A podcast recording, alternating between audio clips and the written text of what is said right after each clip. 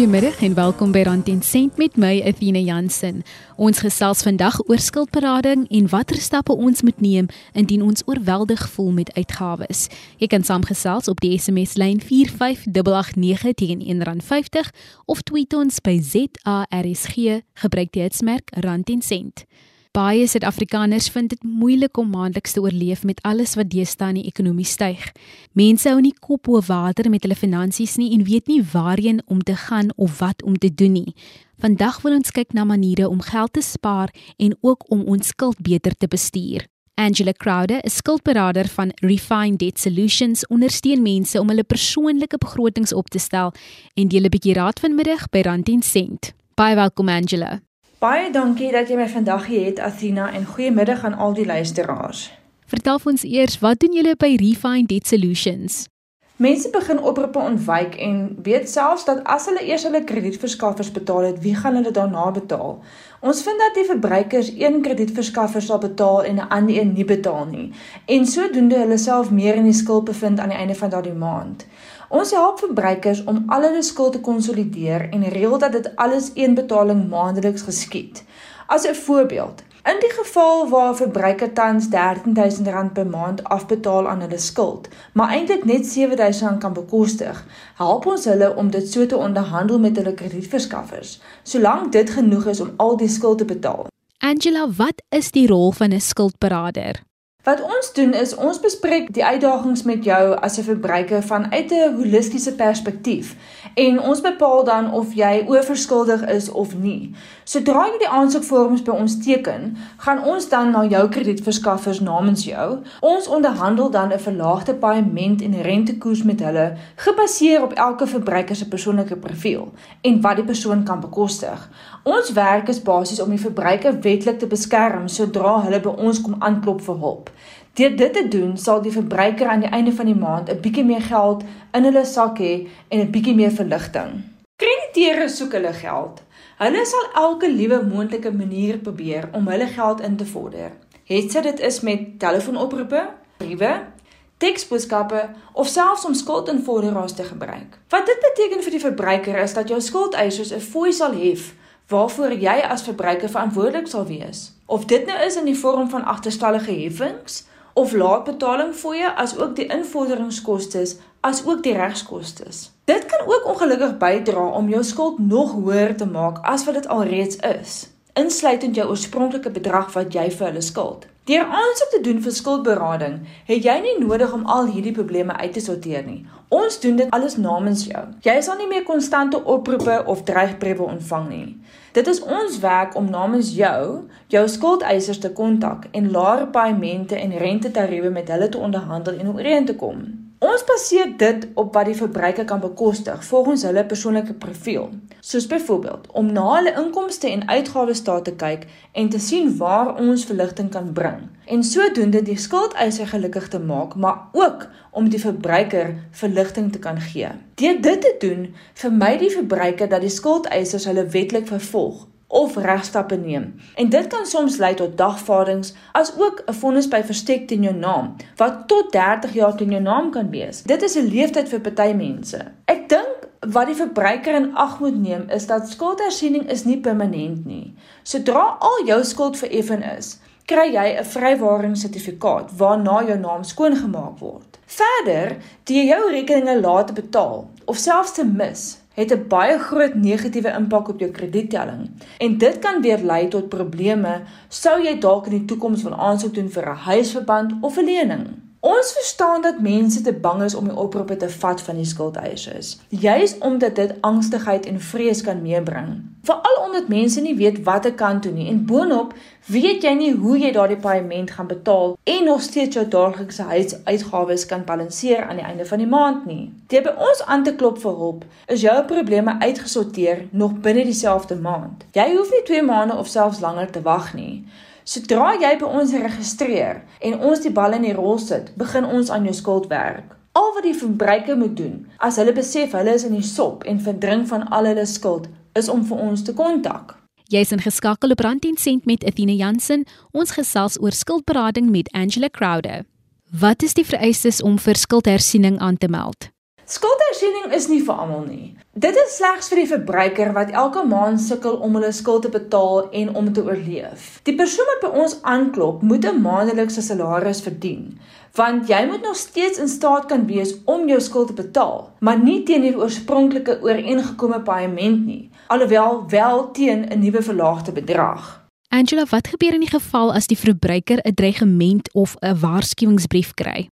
Die oomblik wat die dreigbrief na die verbruiker gestuur word en hulle bewus gemaak word van hulle skuld wat agterstallig begin raak het, gee dit vir hulle die geleentheid om dadelik 'n geregistreerde skuldberader te kontak. Jy kan dalk besluit of jy eerder jou skuldeiser wil kontak en 'n reëlings te begin maak om die skuld af te betaal of jy kan vir ons skakel en ons sal jou help om selfs nog 'n laer bedrag te onderhandel. Ons baseer dit op jou inkomste en wat jy kan bekostig. Die verbruikers moet in ag neem sodra die brief na hulle gestuur word, gee dit hulle 10 werksdae om dit uit te sorteer. Deur daardie brief te ignoreer, sal jou skuldeisers die nodige regstappe neem teen jou teen middel van die hof. Dit kan veroorsaak dat jy kan opeindig met 'n vonnis by verstek teen jou naam, soos ek vroeër genoem het. En dit is iets wat ons almal graag wil vermy. Angela, as ons nou al reeds ons waarskuwingsbrief ontvang het, word ons nog tans deur die skuldberader wetlik beskerm? Dit is 100% korrek Athena. Jy is wetlik beskerm op alle vlakke sodra jy 'n skuldberader kontak en deur ons gaan. Verbruikers moenie dink dat dit die einde van die wêreld is wanneer hulle 'n dreigbrief ontvang of dreigemente van hulle skuldeisers nie. Deur ons se kontak gee ons hulle weer 'n tweede kans en geleentheid om te kan begin asemhaal deur hulle finansies uit te sorteer namens hulle. Ek dink verbruikers moenie wag totdat hulle agterstallige skuld heeltemal buite beheer is nie. Die oomblik wat jy besef dat jy begin nou klei trap, bel ons. Want sodra ons oorvat, gaan jy nie meer nodig hê om bekommerd te wees oor wat jy hierdie maand vir jou skuldeisers gaan sê as hulle bel nie, want ons gaan alles onder beheer hê. Kom laat ons jou skuld onmiddellik hanteer voor dit te laat is. Want hierdie hele proses, soos ek genoem het, beteken dat ons jou wetlik beskerm. En vir die verbruikers wat wel nou in skuld is, maar twyfel of hulle 'n skuldberader moet nader, wat is jou boodskap aan hulle? Ek sou sê die luisteraars moenie skaam wees as hulle hulle self in diep skuld bevind nie.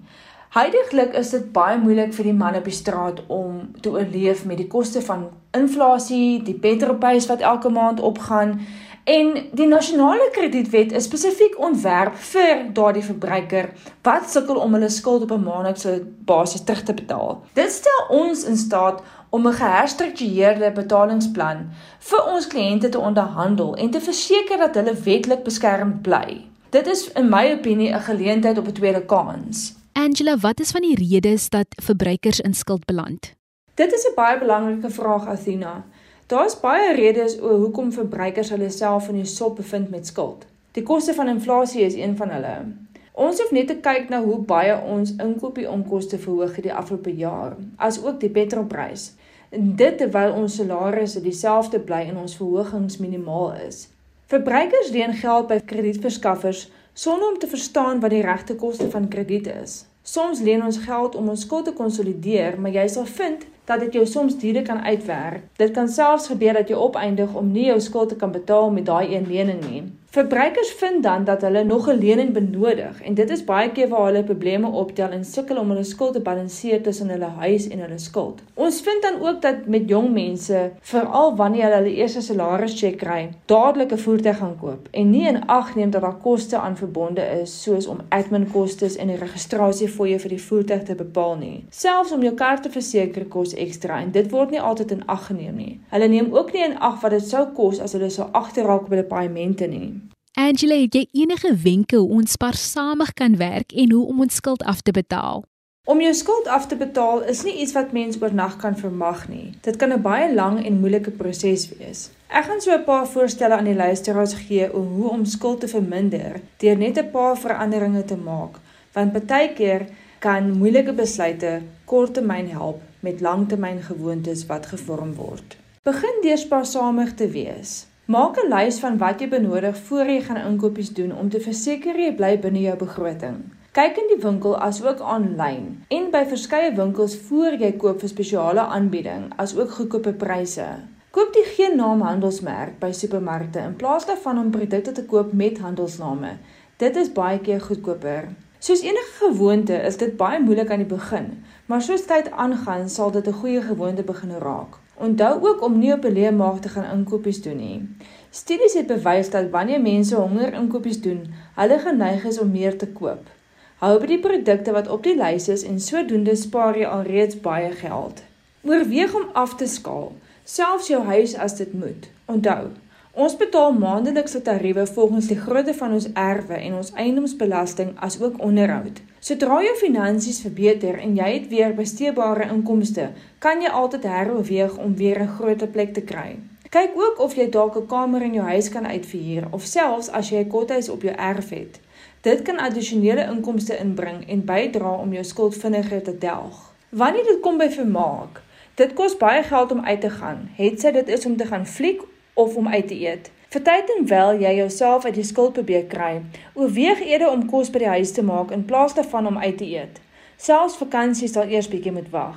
Oorweeg dalk ook om in die park te gaan loop of in die natuurreservate in jou omgewing, asook buitemuurse aktiwiteite aan te pak met jou familie. Begin leer om die koste van krediet te verstaan.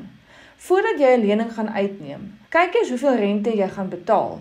Sodoende kan jy sien hoeveel jy ekstra gaan moet terugbetaal en vra jouself of die paaiement en rente iets is wat jy sal kan bestuur in die toekoms en maandeliks sal kan terugbetaal sonder moeite. Jy luister na Rand 10 sent met Athena Jansen. Ons gesels oor skuldberading. Dit is van ons skatbare waarde om te leer hoe om met ons geld te werk. Wat ons finansies betref, het jy enige raad hoe ons ons lewens 'n bietjie makliker kan maak? Ja, definitief. My raad is om 'n begroting op te stel. Dit moet bestaan uit vier verskillende kolomme: jou inkomste, jou vaste uitgawes, jou veranderlike koste en dan jou diskresionele inkomste. Jou inkomste, dit is die bedrag wat jy maandeliks inbring in jou huishoudings na aftrekkings. Dit is die kontant wat jy mee sal werk. Jou vaste uitgawes sal weer jou huur of jou debietorders wees wat elke maand afgaan. Daarna jou veranderlike koste. Dit is dan die uitgawes waar die spesifieke bedrag nie betaal kan word nie, soos jou inkopies en vermaaklikheid. Laastens is jou diskresionele inkomste. Dit is die inkomste wat jy oor het nadat al jou vaste uitgawes en veranderlike kostes betaal is. Baie mense vergeet van die veranderlike kostes wat kan lei tot nulbalanse en oortrokke rekeninge nog voor jy jou oë uitvee. Sodra jy 'n goeie idee het van al jou geld, Kyk dan baie mooi na jou uitgawes en kyk waar jy kan terugsny sodat jy daardie geld kan gebruik om jou rekeninge vinniger af te betaal en dan sodoende langtermyn te spaar op jou rente.